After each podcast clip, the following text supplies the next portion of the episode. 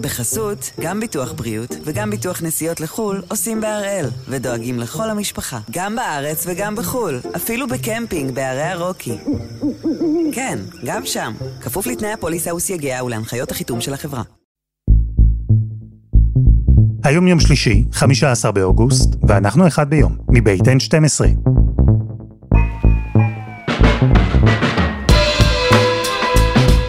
אני אלעד שמחה יופי, אנחנו כאן כדי להבין טוב יותר מה קורה סביבנו, סיפור אחד ביום, בכל יום.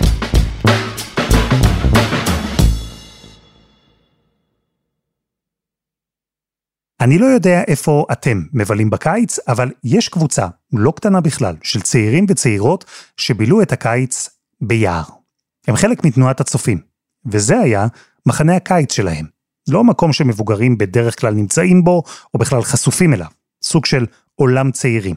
וזו בדיוק הסיבה, שהפעם נעשה כאן משהו מעט אחר, ורוני ארניב שלנו, בעצמה צופיפניקית בכירה בעבר, תיקח את כולנו איתה אל היער בצפת, למחנה הקיץ של שבט בן יהודה 2023. זו הצצה אל עולם של צעירים ישראלים, שיש למבוגרים לא מעט ללמוד ממנו. אז הנה רוני. 24 ביולי היה יום היסטורי. זה היה היום שבו החוק לביטול עילת הסבירות עבר בכנסת. זו הייתה נקודת רתיחה בלופ הזה שהמדינה נמצאת בו כבר כמה חודשים. האולפנים שידרו שוב ושוב את התמונות מההפגנות, וזה היה הנושא היחיד שמישהו דיבר עליו. גם אנחנו פה באחד ביום. בקיצור, אי אפשר היה לברוח מזה. ובבוקר שאחרי, התחושה הייתה קצת כמו אחרי קרב. אבל מה אם הייתי אומרת לכם שבאותו הבוקר היה מקום אחד שכל הרעש הזה לא נכנס אליו? אתה מרגיש ביקום מקביל. ואותי זה מרגש, אני חייב לומר, ובאיזשהו מקום זה אפילו משמח שאנחנו פה ביקום המקביל שלנו, ב... במדינת הילדים הזאת. זה רק הכי קלישה, ובאמת זר לא יבין. כאילו, אתה לא תהיה פה ואתה לא תראה, אתה לא תבין מה זה אומר. אתה לא תבין למה ילדים כל כך באטרף. זה תחושות שאף אחד בחיים לא יבין.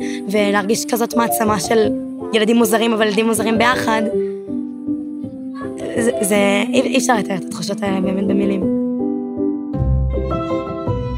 בכל שנה, עשרות אלפי נערים וילדים בישראל יוצאים למחנות הקיץ של הצופים. זו חוויה שהם מחכים לה כל השנה ומתכוננים אליה במשך כמה חודשים. השיא של כל הפעילות. אם לא הייתם בצופים, אתם כנראה לא יודעים, אבל המקום הזה, מחנה הקיץ, הוא מקום שבו ילדים יוצרים ביחד זיכרונות שילוו אותם לכל החיים. תשעה ימים ביער שבהם אין דאגות של לימודים ואין הורים. יש רק את החברים ואת הרגע הזה. הילדים הם אלה שמנהלים את הכל. הם אלה שדואגים לחניכים הצעירים יותר. הם אלה שצריכים להחליט בין טוב ורע. הקיץ הזה ליווינו שבט צופים אחד במחנה שלו, וחזרנו לספר לכם מה בדיוק קורה ביקום המקביל הזה. ואיך זה, אולי בכל זאת מתקשר למה שקורה אצלנו, הגדולים. מהי תחרות בגיל הזה, מהן אחריות, חברות ואהבה, וגם איך זה מרגיש להיפרד מעולם הילדים.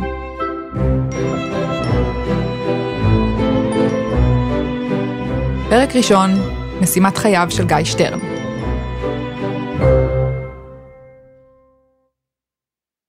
אם היית מדברת איתי לפני שנתיים זה ילד אחר. ואני יכול להגיד שזה 60% בגלל ההורים שלי, 40% בגלל צופים. זה, זה משנה אותך. גיא שטרן סיים עכשיו כיתה י"ב. הוא שמיניסט בשבט בן יהודה, שבט הצופים של אבן יהודה. פגשתי אותו בשבט שבועיים לפני מחנה הקיץ. בחוץ היו כמה מאות תיכוניסטים שעבדו על דברים לקראת המחנה. חלק כפתו, זאת אומרת, בנו דברים מקנה סוף וחבלים, חלק צבעו שלטים, וחלק עשו ספירת מלאי של הציוד במחסן. ושם היה גם גיא. הוא נער גבוה עם שיער בהיר ומלא אנרגיה, והוא הסביר לי שבאבן יהודה, הצופים זה החיים. זה אומר שבאמת, מי שלא בצופים באבן יהודה, הוא לא, הוא לא מחובר. אתה, אתה מרגישים את הניתוק. בהפסקה, כל מי שבצופים יושבים ביחד, מדברים על הצופים. בין אם זה במסיבות, שיש לנו מסיבות שכב"ג, יש לנו היום מסיבת שכב"ג, יש לנו מסיבת שכב"ג, שזה רק של האנשים הצופים.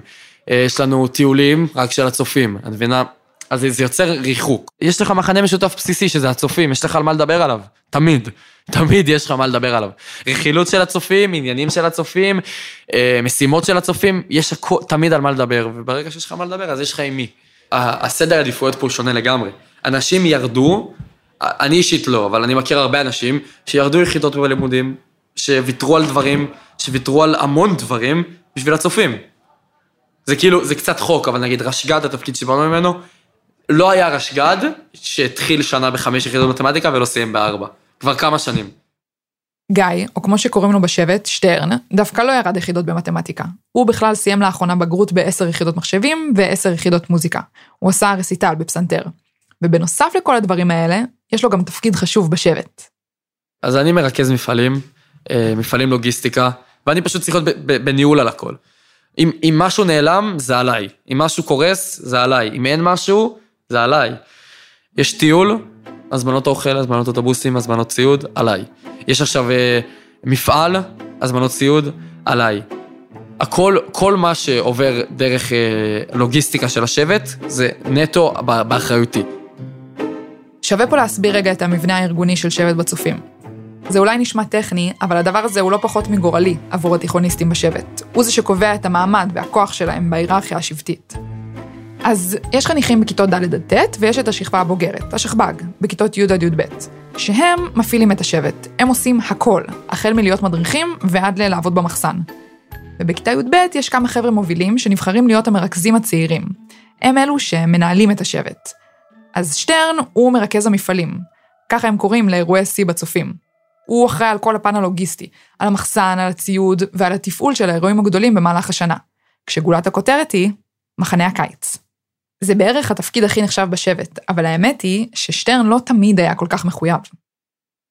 בכיתה י' הייתי באמת על הפנים בצופים, החניכות שלי חשבו שיש לי מחלה סופנית, זה נורא, הן עד עכשיו חושבות, כי פעמיים, שלוש פעמים בחודש הייתי חולה. לא, לא הייתי בא לפעולות, הייתי הולך לגלוש. שלא הגלים, הייתי בא לצופים, שהגלים הייתי הולך לגלוש. במחשבה אחורה אני חייב להם סליחה, אה, יש חניכות שעכשיו גם לא בצופים בגלל זה, אה, וזה קשה, אני, זה, אתה, אתה רואה את זה. בתחילת כיתה י"א משהו השתנה אצל שטרן ביחסים שלו עם הצופים. שינוי שישפיע על מסלול החיים שלו, לפחות בשנים הקרובות. הוא נבחר להיות ראש מבנה בטקס פתיחת שנה. ושמה זה כאילו הכל התחבר לי, התחבר לי בבת אחת. האהבה שלי פתאום לחניכים, ופתאום הבנתי שאני אוהב בואנה את המפעל. ההורים שלי כאילו לא, לא הבינו איפה אני, אני לא הייתי בבית בכלל. מילד שכאילו בא לצופים שבא לו, כל היום בצופים. איפה אתה? צופים. איפה אתה? צופים. שתיים בלילה, גיא, מתי אתה חוזר? עוד שעה, עוד שעתיים, נראה, אני צריך לסיים פה משהו בצופים. וזה החודש הכי טוב, החודש וחצי הכי טובים שהיו לי בחיים עד עכשיו. החודש וחצי הראשונים האלה, שפעם ראשונה הבנתי שמה זה להרים מבנה, ומה זה תיק מבנה, ומה זה דגם, ומה זה סקצ'אפ, ומה זה סנדות ובוסים וכפיתות וכפיתה כזאת וכפיתה כזאת. כל כך הרבה מידע הגיע אליי ש... שאהבתי אותו. אני חושבת שמה שגיא גילה בכיתה י"א זה בעיקר את האינטראקציה עם חבר בני גילו, ועד כמה היא משמעותית עבורו. הוא הרי חלק מנוער הקורונה, שישב כמעט שנתיים בבית לבד. הוא מנגן על פסנתר לבד, גולש לבד ולומד מחשבים. דברים שעושים לבד. אבל בצופים זה אחרת, הוא גילה מסגרת שגורמת לו להרגיש שייכות למשהו גדול ממנו. הוא גילה מסגרת שמוציאה ממנו את התכונות שהוא הכי אוהב בעצמו, ואת האפשרות לזרוח ולהוביל. המרכזים הבוגרים ראו את השינוי ששטרן עשה, ושיבצו אותו לאחד התפקידים הכי משמעותיים בשבט. שוק. זה לא קורה שמדריך כבר הופך להיות מרכז. זה לא קורה. זה מהתפקיד הכי גרוע בשבט לקבל את התפקיד הכי טוב בשבט, ובעיקר ריכוז מפעלים. זה תפקיד אני לא יכול לתאר כמה קושי יש לי השנה בו. אה, אני לא חושב שבגיל שלי, בגיל 17, יש עוד נער, חוץ מאוד מרכז מפעלים, שמתעסק עם ספקים ועם לוגיסטיקה, ויש לי בטלפון 52 ספקים שאני צריך לדאוג שהם הכל בסדר, ועכשיו אני מנהלן, ואני עובד עם רשימות ציוד, ורשימות אוכל, ורשימות אוטובוסים, ורשימות... מה? כאילו בגיל 16? אימא'לה. הוא היה מאושר כשהוא קיבל את התפקיד, אבל ההתחלה הייתה קשה. הבעיה הגדולה בצופים זה שיש לך את הצופים ויש לך גם את החיים. כאילו, זה לא שעכשיו שעכשיו אתה לוקח אחריות בצופים, אז פתאום דברים נעשים לך יותר קל בחיים. זה אומר שאני יכול לספר נגיד על, על החודשיים האחרונים, שזה חודשיים שעכשיו את רואה אותי פה, רץ, קופץ, עובד, יודע הכל על הכל, אבל לפני חודשיים היה לי באמת קושי, לא הייתי מחובר, את מבינה? בין אם זה בגלל שהיה לי עכשיו אה, בלימודים, הייתי צריך להגיש את הפרויקט שלי בסייבר, אז לקחתי שנייה ברקס מהצופים ואמרתי שנייה בוא, תן לי להתמקד בזה, אני אסיים עם זה. כי לי מאוד קשה לעשות כמה דברים במקביל, אני צריך להתמקד במשהו אחד, לעשות אותו כמו שצריך ולסיים עם זה. כן, בין הלימודים, המחשבים, למוזיקה, החברים והצופים, היה לגיא קשה לעמוד בהכל ביחד, והלימודים היו במקום הראשון. בחודשים האחרונים, המרכזים הבוגרים הודיעו לו שאם הוא רוצה לצאת למחנה הקיץ בתפקיד מרכז מפעלים, הוא חייב לקחת את עצמו בידיים, להיות יותר נוכח. וזה בדיוק מה שהוא מנסה לעשות עכשיו. הוא רוצה להראות למרכזים הבוגרים, רוצה להראות לחברים, ורוצה להראות לעצמו שהוא מסוגל לסיים את השנה הזאת כמו שצריך. מחנה הקיץ הזה הוא מחנה הקיץ האחרון שלו. אחריו הוא כבר יוצא למכינה קדם צבאית. ובתור מרכז מפעלים, המחנה נמצא פחות או יותר על הכתפיים שלו. ושטרן הציב לעצמו מטרה מרכזית אחת. יש פרס מאוד מאוד דוקרטיבי ונוגע ללב שקוראים לו כללי. שבט אחד מקבל אותו, וזה השבט שעשה את המחנה הכי טוב. עכשיו, העניין הוא, זה שהניקוד עובד ככה שמסה העיקרית של הנקודות באה מפרס שקוראים לו אה, תהליך, פרס תהליך. שזה פרס שהשבט מקבל אה, בכך שהוא עובר תהליך משמעותי בשנה שלו. בין אם זה עכשיו אה, מסורות רעות שהוא תיקן, כל שבט יש את הדברים שלו, וזה פרס שהוא מאוד חשוב לנו. אם אני ארגיש שבסוף שנה קיבלתי פרס תהליך, אז אני אדע שמה שעשיתי השנה שווה את זה. אני גדלתי בצופים, וגם עבדתי בתנועה אחרי הצבא, אז כל מה ששטרן אומר היה לי מאוד ברור.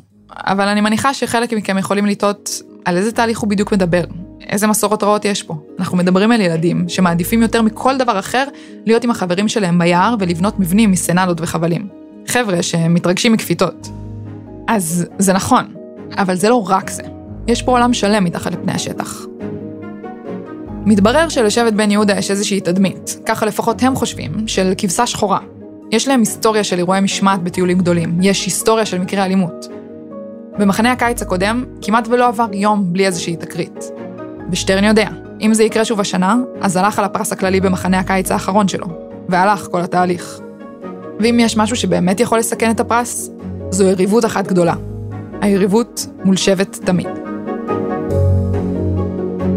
פרק שני, היריבות ההיסטורית.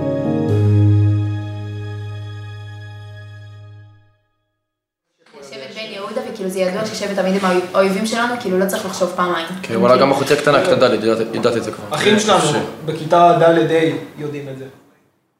באותו יום בשבט, שבועיים לפני המחנה, ישבתי עם כמה שמיניסטים וניסיתי להבין את המקור לאיבה הזאת. הם כולם היו לבושים באותו הסגנון. מכנסי ריצה קצרים, חולצות עם הדפס של השבט ונעליים סגורות. היה ריח של נעורים באוויר, או ריח של זיעה. אה, אז הכל התחיל שבעצם אה, התיכון של קדימה היה בתיכון שלנו, בבית ספר הדסים, ובהתחלה היה טיפה תגרה, היה זריקות בלוני מים בהפסקות וכל זה. כמו כל יריבות טובה, גם זו התחילה לפני הרבה שנים. בין אבן יהודה לקדימה מפרידה רק צומת אחת, צומת הדסים, ופעם היישובים אפילו למדו ביחד בתיכון. השמיניסטים לא ממש הצליחו להצביע על נקודה בזמן שבה הכל התחיל, או למה הכל התחיל. אבל האמת, כרגע זה כבר ממש לא משנה להם. שבט תמיד מהיישוב קדימה הם האויבים. וככה זה.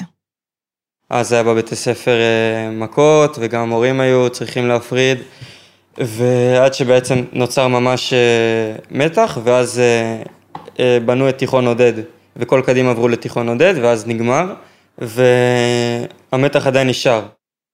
הם סיפרו לי שפעם, במשחק כדורסל בין היישובים מחוץ לצופים, הבנים הלכו מכות. מישהו אחד שבר יד, מישהו אחר שבר לסת. ובטיול חנוכה האחרון, המרכזים הבוגרים הרחיקו ביניהם כמה שאפשר. אבל כשהשבטים נפגשו על המסלול, נזרקו קללות ומבטים ויריקות. זה בנוהל, כחלק מהטיול יש, אה, יש איזה משהו עם שבט תמיד. אז אה, שנה שעברה גנבו צעיפים ואנחנו החזרנו להם, והשנה גם היה, אה, ישנו בבית ספר כי היה מזג האוויר שלא אפשר לטייל, אז ישנו בבית ספר, ושבט תמיד תלו את הדגל שלהם באמצע המבואה של הבית ספר. זה כור היתוך כזה של מלא שבטים. כן, ואת רואה חבורות יושבות שם אה, לפי שבטים ומבטים ומסתכלים וזה, והשבט, הש, הדגל של שבט תמיד, אה, דגל שחור צהוב מולנו, מול העיניים של בן יהודה. הורדנו להם את הדגל, ותוך באמת אה, חמש שניות, כל הבני שכב"ג של בן יהודה וכל הבני שכב"ג של תמיד, מעגל והתחילו דחיפות, כן, כל השמיניסטים, הבנים. הבנים של אבן יהודה הם לא חבר'ה חריגים או בעייתיים. הם כולם מסיימים י"ב עם בגרות ויצאו שנה הבאה למכינות, שנות שירות או התגייסו לצבא. אני חושבת שפשוט ככה זה בצופים. מי שגדל בתנועה כנראה זוכר את זה בעצמו. לוקחים חבורה של ילדים ונותנים להם שם ודגל וצבע ואומרים להם, זו הזהות שלכם, זו השייכות שלכם. ואז הם מגלים עוד קבוצה עם שם, דגל, צבע וזהות, וההתנגשות, השנאה, היא כנראה בלתי נמנעת. אנחנו מכירים את זה בעצמנו מעולם המבוגרים. אבל כאן אין אפילו סט ערכים שונה, או אמונות שונות שיוצרות את הפילוג, רק עצם החלוקה לשבטים. שאלתי אותם, אם אולי בכל זאת יש מצב לשים את הוויכוח הזה מאחוריהם. יש סיכוי לשלום בין השווקים? לא. אנחנו אמרנו שאנחנו לא, לא נעשה את זה. הרבה, הרבה, הרבה, כבר הרבה שנים מנסים אה, לגמור את זה, מנסים להדריך את זה ולהשאיר את זה מאחורה איפשהו, לסגור את זה באיזה, באיזה מגירה, ואנחנו תמיד ידענו שאנחנו לא מוכנים לזה, ואני מאמין גם באמת בלב שלם שגם השביעיסטים, שנה הבאה לא יעצרו עם זה כלום, כי אנחנו מכירים אותם, והם לא כאלה שהולכים לעצור את זה, הם רק הולכים להעליט את זה. ושנה מתחתיהם, אני באמת כבר לא יודע, אבל אה, זה לא משהו שהולך להיפסק. זה לא ייגמר פשוט, כי אם הם עשו ככה, אנחנו נעשה להם ככה, ואז אם אנחנו עשינו להם ככה, הם יעשו לנו ככה. והיריבות ההיסטורית הזאת בין השבטים, זו שיכולה למנוע מהם את הפרס הכללי, הגיעה לשיא בחודש יולי, כשהשבטים של אזור השרון נסעו צפונה, למחנה הקיץ. חסות אחת וממש מיד חוזרים.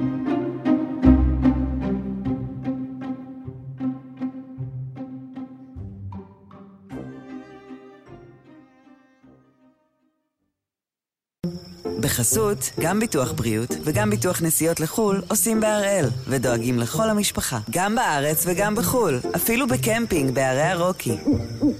כן, גם שם, כפוף לתנאי הפוליסה וסייגיה ולהנחיות החיתום של החברה. פרק שלישי, מחנה הקיץ. שבראש שלי עוד לא יוצא, לא רוצה להישאב לזה, לתוך טוב, הגעתי. המד טמפרטורה מראה שיש 37 מעלות. אלוהים אדירים. בכניסה ליער תאנים שנמצא ליד צפת, יש אה, שער מתכת ושני מאבטחים. ליאון, ליאון מסינגמר. חמה, לא קיבלתי, מי יכול להיכנס? כל מי שנכנס לשטח המחנה או יוצא ממנו צריך אישור. כשאני הגעתי ליער, היו בו משהו כמו 3,000 ילדים בכיתות ד' עד י"ב. חברה, היי, מה קורה? רוני, מה נשמע?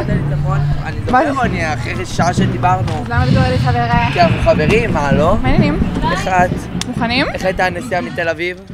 אז כשנכנסים יש שביל מרכזי אחד רחב, ומצידי השביל, בין עצי האורן, מחולקים שטחים לשבטים השונים. לכל שבט יש אזור משלו שבו הוא מתגורר, ושם הוא מקים כמו עיר משלו, עם שער כניסה ותורן, מרחבת מסדרים, מחסן, חדר אוכל, ושטחי לינה של כל החניכים והשכב"ג. אפשר ללכת לבקר שבטים אחרים, אבל בעיקרון, כל אחד נמצא בשטח שלו. כשהגעתי לשטח של בן יהודה, ראיתי על מה החבר'ה עבדו בחודשים האחרונים. טוב, אז המבנה בעצם אה, אה, הוא חללית שעליה שוכב אסטרונאוט. אה, בעיקרון הרעיון, כאילו הנושא של השבט שלנו השנה הוא שבי עושים היסטוריה, אה, ואנחנו בחרנו לקחת את זה לכיוון של... אה, זה מבנה של משהו כמו חמישה מטרים, שעשוי מסנדות וקנה סוף, ודרכו נכנסים לשבט. לאסטרונאוט יש פאץ' כזה, שבמקום נאסא כתוב שב"י, שבט בן יהודה. אה, משמאלנו יש באמת כניסה לחדר אוכל, החדר אוכל שלנו השנה הוא אה, בנושא הודו. ליד החדר אוכל שלנו יש לנו את השכבגיה, אה, שהיא בנושא סין. יש דרקון שמתחתיו עוברים ו... את כל אחד מהמבנים האלה, השכב"ג תכנן במשך חודשים. בהתחלה בתוכנה במחשב, ואז הם בנו דגם משיפודים. אחר כך הם הלכו לחטוב בעצמם קנה סוף, בוסים, קילפו אותם ובנו מהם חלקים מסוימים במבנה.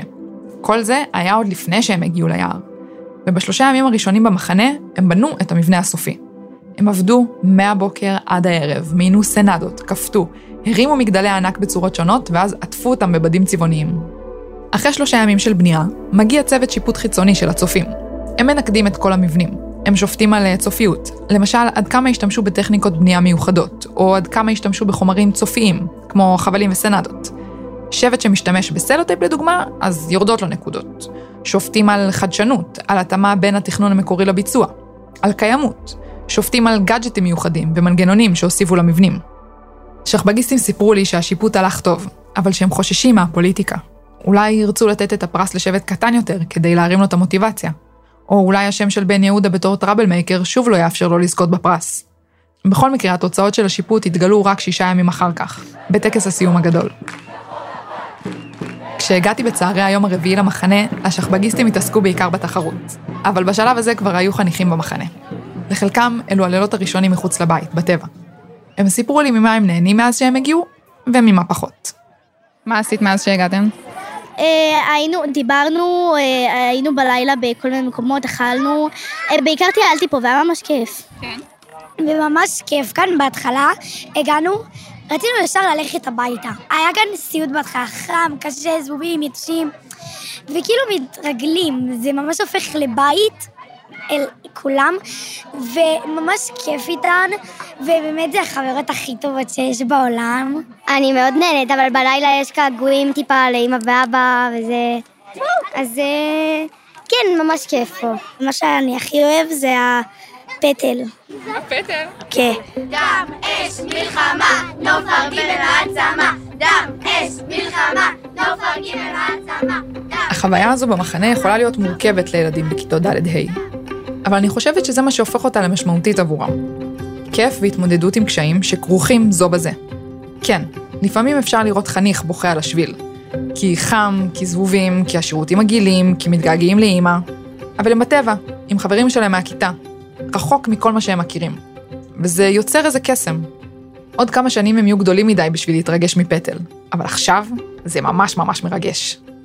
והייתה חוויה אחת שכמעט כל החניכים אמרו שהם אוהבים במיוחד. מה החלק שאתה הכי אוהב במחנה? אה, את המקלחות. למה? כי חם לך ואז אתה ואז אתה נכנס למקלחת קרה. מה שאני הכי אוהב זה גם להתקלח כאן, כי עושים בו שם כאילו בלאגנים וזה כיף, אפשר לרקוד, זה כיף. ב- ביום חם והמקלחות תקפות, וזה כאילו משפר את ההרגשה גם. כן. כיף. כולם ביחד, שרים ורוקדים בבגדי ים, כשבחוץ כמעט 40 מעלות. מוש. אבל במשך הרבה שנים המקלחות היו דווקא נקודת תורפה במחנה הקיץ. בכלל, הצופים יוצרים חוויה טוטאלית. ישנים יחד, מתקלחים יחד, אוכלים יחד, מתלבשים יחד. זה יכול להיות פתח לאירועים לא נעימים. יובל, מרכזת צעירה בבן יהודה, סיפרה לי קצת על מה שהיא זוכרת כחניכה. מההרגשה האישית שלי, גם אני זוכרת את עצמי בתור חניכה, זה היה הדבר שהכי כזה עורר, עורר בי חרדה כלשהי. היו לי חברות שהיה להן הרבה יותר קשה עם זה. כל ענייני הדימוי גוף, אה, בנות שפחות מרגישות בנוח אה, להסתובב אה, באזורים כאלה ואחרים, אם יש שם בנים, אם יש שם שכבגיסטים, ילדים גדולים יותר, בנות גדולות יותר. אני זוכרת שזה איזשהו משהו שמעורר מעורר חשש אצל חניכה, ואני גם זוכרת אצלי. זה מעניין. יובל הצטרפה לצופים בכיתה ד' בשנת 2014. זה היה שלוש שנים לפני מהפכת המיטו. והיא עוזבת את הצופים אחריה. הרבה דברים השתנו בזמן הזה בעולם, ובמה שמותר ואסור, מה נהוג חברתית לעשות ומה שלא. ואפשר לראות שהשינוי הזה קרה גם בצופים. בתנועה פתחו בשנים האחרונות יחידה שנקראת מרחב בטוח. המטרה שלה היא למנוע ולטפל באירועים שלא אמורים לקרות. אז קודם כל במקלחות יש תאי הלבשה מסודרים. שנה שעברה זה היה פלריג, כאילו כמו שזה נשמע. פשוט אה, בד שמפריד בין תא לתא, עכשיו זה ממש אה, ברזלים שעליהם תלויים בדים אטומים לחלוטין, יש וילונות, המקלחות, אה, אני לא יודעת להגיד אם הם גדלו, אבל פתאום מרגישים שם, ההרגשה שם הרבה יותר נוחה. גם הדרך אה, שבה מחליפים בגדים וגם בתוך המקלחת. וזה לא רק במקלחות, היה נדמה לי שהצופים עשו דרך משמעותית בשנים האחרונות בהחלטה שלהם לשמור על החניכים ועל החוויה שהם עוברים בתנועה. התפתחות של נורמות אחרות. אפשר לראות את זה לדוגמה גם בשינה. בנים ובנות ישנים היום בנפרד, אפילו בשכב"ג. זה משהו שאי אפשר היה לחשוב עליו לפני כמה שנים. יחסי בנים-בנות והחופש בלילה היו חלק בלתי נפרד מהטיולים. השכב"גייה, האזור שבו התיכוניסטים ישנים, היה מעין אקס-טריטוריה עבור הבוגרים. אבל זה כבר ממש לא ככה. בכניסה ליער תלוי שלט שאומר, כאן מתקיים מרחב בטוח. לאנשים שונים יש רגישויות שונות. תדאגו לתת לאחרים ולאחרות מספיק מרחב כדי ליהנות. חשוב לא לעמוד קרוב מדי, להעיר הערות על גוף של אחרים, או לגעת בלי הסכמה. בתקופה שאני הייתי בשכב"ג ב-2008, וכשריכזתי שבט ב-2013, חבורה של בנים הייתה מתיישבת על השביל המרכזי, וכשבת הייתה עוברת, הם היו מרימים שלט עם מספר מ-1 עד 10, לדרג איך היא נראית. אחד המשחקים המוכרים היה משחק בשם האונס. אני אגיד שוב, משחק בשם האונס. שבו בגדול הבנים והבנות הולכים מכות עד שמישהו מצליח לתת למישהי נשיקה, או להפך. והמקלחות היו מעין שטח הפקר, שהבנים היו פורקים שם כל עול. מנהלים קרבות מים בצחוק, הולכים מכות בצחוק, משתינים אחד על השני. בצחוק.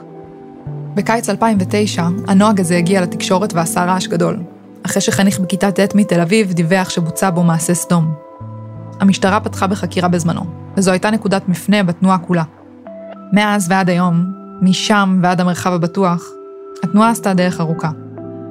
אבל יש מקומות שיש בהם עוד עבודה, דברים שלא השתנו מאז שאני הייתי בצופים. כמו מה שסיפרו לי דנה ונועה, המדריכות של שכבה ט', השכבה שבקיץ הזה ממש נכנסת לשכב"ג. הן סיפרו לי שבמחנה הזה יש להן תפקיד מרכזי אחד.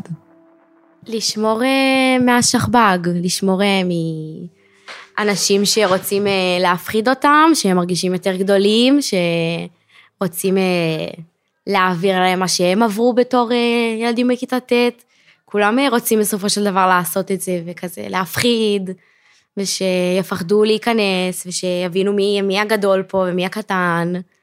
אז כן. כן, וכאילו, סתם, כשאת אומרת להפחיד, אז איך זה בא לידי ביטוי להפחיד? לאיים, שדברים יקרו, דברים לא יקרו, להעביד אותם, תמיד אומרים, החמשושים אלה שיעבדו במחנק, אלה שיעשו את כל העבודות של השבט שצריך לעשות. בעיקרון פשוט להבהיר מי הגדול פה ומי הקטן, זה העיקר. אז איך מבהירים מי הגדול ומי הקטן? כשדיברתי עם חבר'ה מהשכב"ג, הבנתי שהם חושבים שזה לא חוצה את הגבול. יש כל מיני מסורות, הם אמרו, יש קצת תיזוזים, אבל לא משהו מוגזם. נגיד השישיסטים, הם עוברים במהלך השנה מעין טקס שכבוג.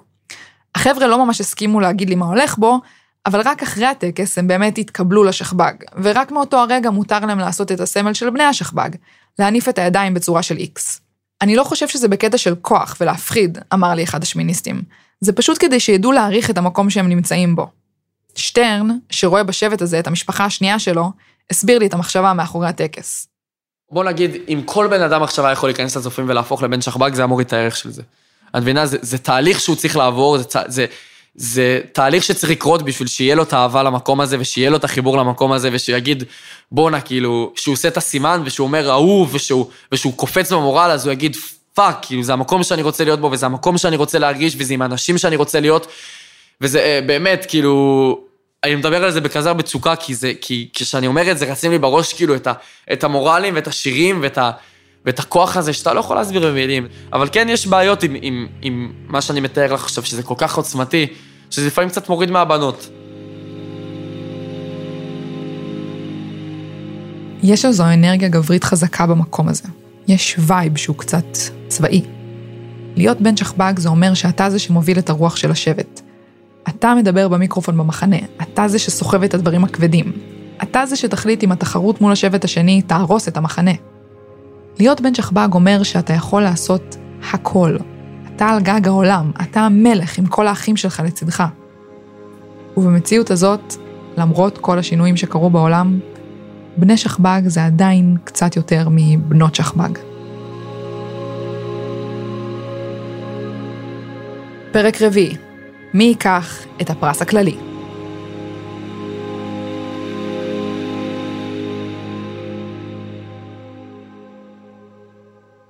בעוד שלושה ימים יארך מסדר הסיום, שבו מחלקים את כל הפרסים.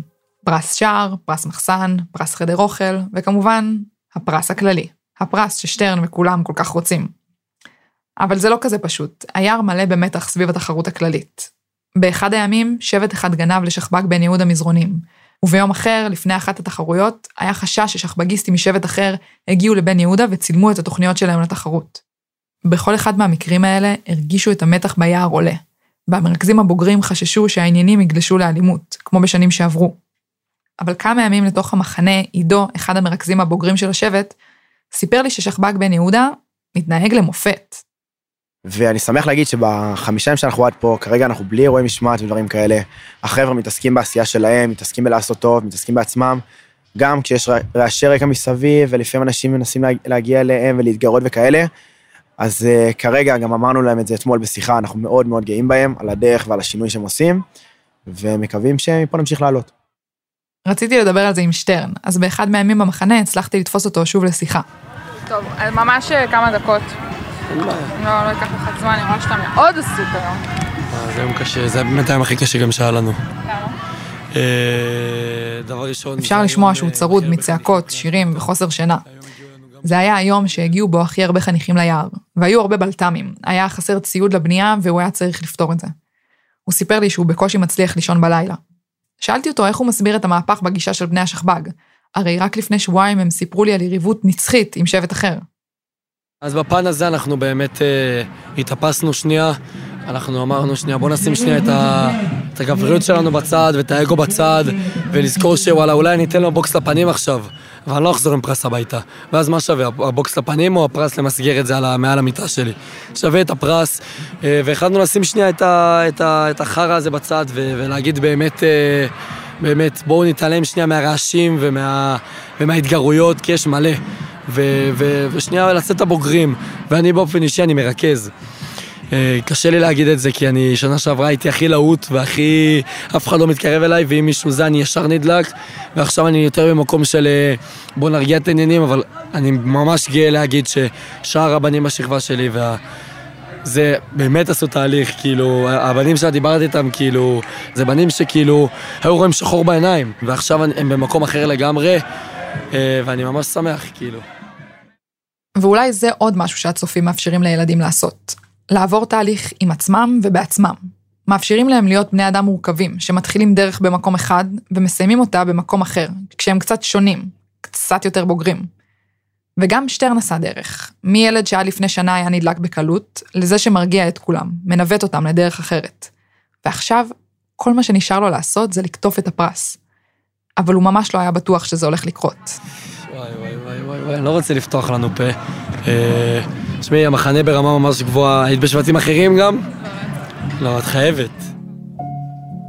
אז הלכתי לראות מה המצב אצל שבטים אחרים, למרות שאמרתי לעצמי, בן יהודה כל כך מרוצים, הם כולם אומרים שהולך מעולה. השבט מתוקתק, המבנים מרשימים מאוד, הם מתנהגים בובה, מי יכול עליהם?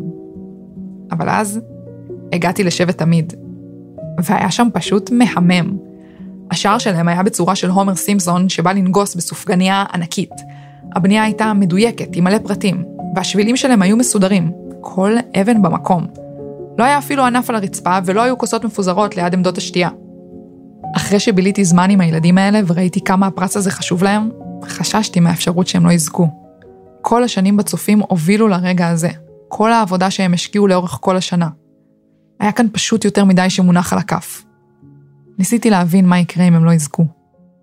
מה את חושבת שיקרה במסדר סיום? יש כללי? אין כללי? וואי, אני ממש ממש ממש מקווה שיש כללי. אני חושבת שהסיכוי שלנו הוא לא רע בכלל. אם מדברים נטו, נטו מחנה, אני חושבת שאנחנו... שהוא כנראה שלנו, אבל אה, זה לא רק נטו מחנה, זה גם כזה תהליך שנתי, והתהליך השנתי שלנו באמת היה מורכב, כי אנחנו באמת שבט מורכב. אבל אה, אני לא, מצ... אני לא מצליחה להניח לעצמי את הציפיות, כאילו, אם אנחנו לא נזכר ראשון כללי, כאילו, אף אחד לא יוכל לדבר איתי במשך כל היום. אני באמת, כאילו, אני אנעל את עצמי בשירותים כימיים, ושאף אחד לא ידבר איתי. אני באמת, אה, אני, אני, אני כל כך רצה את הראשון כללי הזה. חייבת לסיים את השנה ככה. יום שישי אחר הצהריים הגיע, ושבט בן יהודה מתכונן לצאת למסדר הסיום. טוב, שימו לב. דבר אחד והוא הכי חשוב. ההתנהגות שלכם מדהימה, אבל אנחנו צריכים לשמור עליה לכל אורך המסדר. גם אם אתם זוכים וגם אם אתם מפסידים, זה לא משנה. מה שמשנה שנתתם פה מחנה מטורף, ועשיתם באמת הכל בשביל להפוך אותו למשהו בלתי נשכח. שטרן יגלה אם כל העבודה הקשה השתלמה, ובני השכב"ג יגלו אם משתלם להיות ילדים טובים. כל השבט עולה על חאקי. התופים כבר בחוץ, והדגלים גם. השכב"ג עם כפיות בצבעים שחור לבן. ולשמיניסטים ולשמיניסטיות יש גלימה בשחור לבן עם השם שלהם בענק. יש פה הורים של השכב"ג שמצלמים את הילדים שלהם עם הגלימות. וזה חמוד לאללה. עוד כמה דקות, כולם ילכו מהשטח של השבט לרחבת המסדרים. שם הם יפגשו את כל השבטים האחרים. אמורה להיות פה אווירה מטורפת. זה הרגע שהם חיכו לו.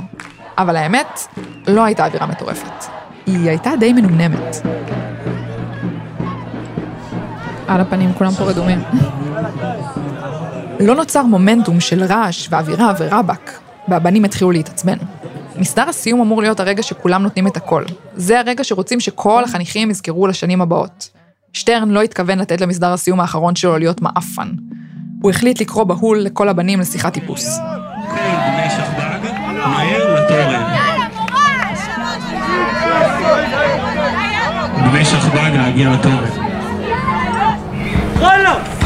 פעם אחרונה שאתם עושים את זה! פעם אחרונה שאנחנו עושים את זה! תצליח איזה רמב"ם!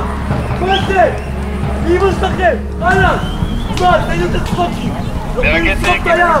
אתם רוצים לשרוף כללי? מה זה אתם חזקים מאיתנו? מה עובר עליכם?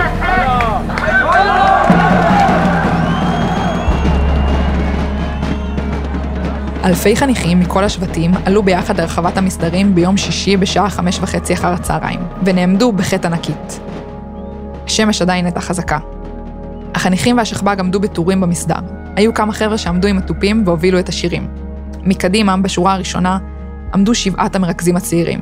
גיא שטרן ביניהם. אחרי נאומים ותודות שנמשכו יותר משעה, החל טקס חלוקת הפרסים, וברגע אחד המתח עלה.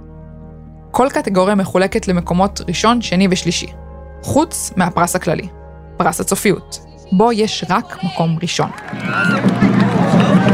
במקום השני, שבט בן יהודה! הם מקבלים מקום שני בשער, ומקום שלישי בפני שטח, ובכל פעם קופצים אחד על השני, מתחבקים ושרים. במקום השלישי, בן יהודה!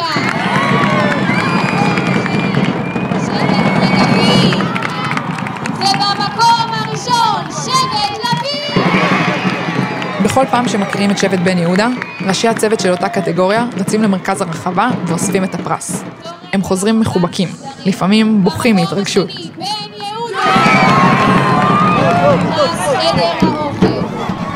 במקום הראשון, בן יהודה!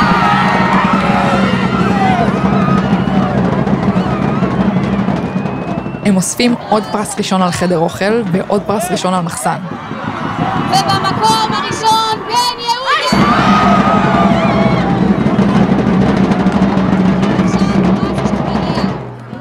רואה את שטרן קופץ, אבל מסמן לגורן לא, עם הראש.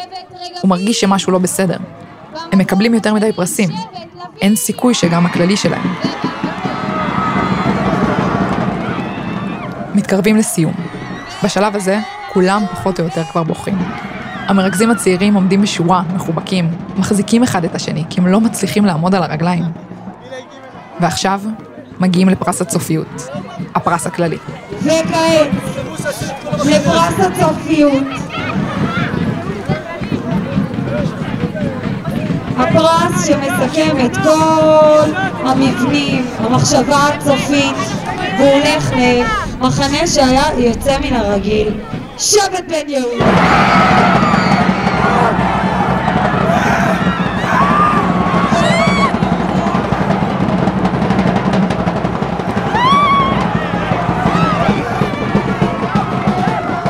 המרכזים הצעירים רצים למרכז הרחבה, ובינתיים כל השבט מאבד את זה. אנשים בוכים, תופסים את הראש, נופלים על הרצפה, קופצים, ובעיקר מחבקים אחד את השני.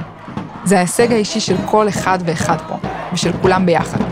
הפרס הכללי של שבט בן יהודה. כל הכבוד בן יהודה, נחזור למשרד.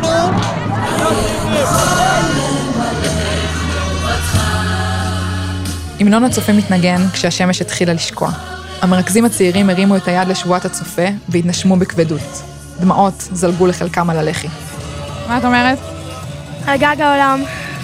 על גג העולם. היידה בן יהודה! אז מה תעשו עכשיו?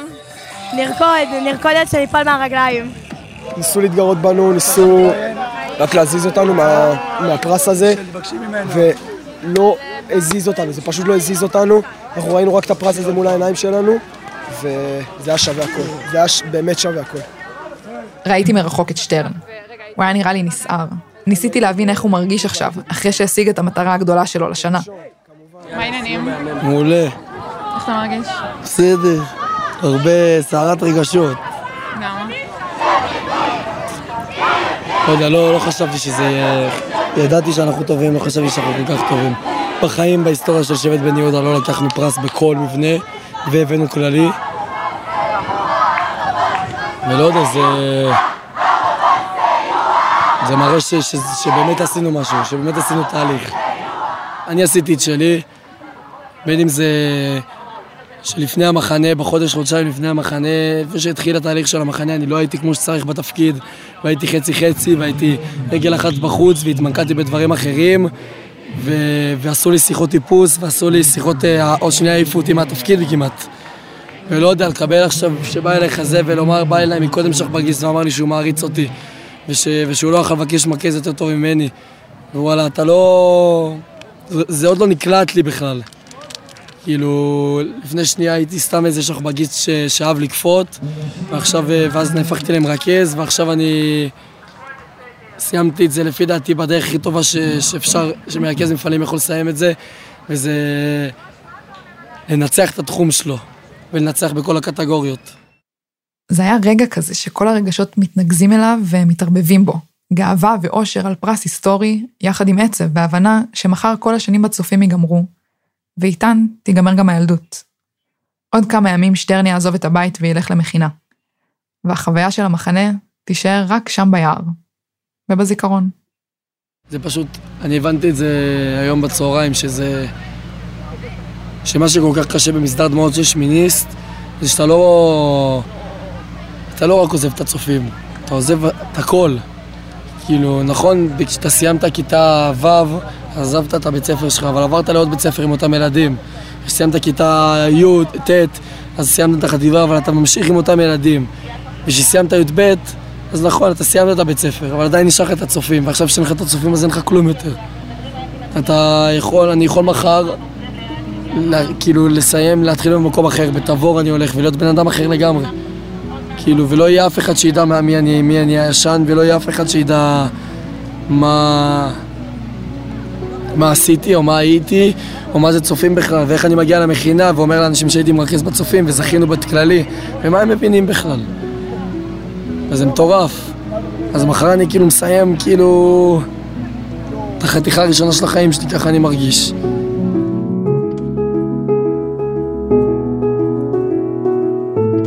וזה היה אחד ביום של N12.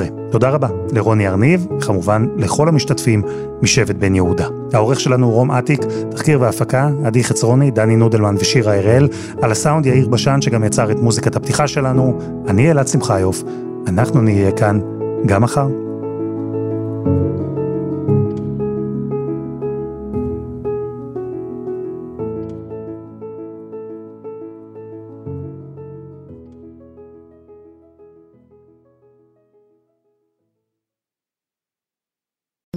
בחסות, גם ביטוח בריאות וגם ביטוח נסיעות לחו"ל עושים בהראל, ודואגים לכל המשפחה, גם בארץ וגם בחו"ל, אפילו בקמפינג בערי הרוקי. כן, גם שם, כפוף לתנאי הפוליסה וסייגיה ולהנחיות החיתום של החברה.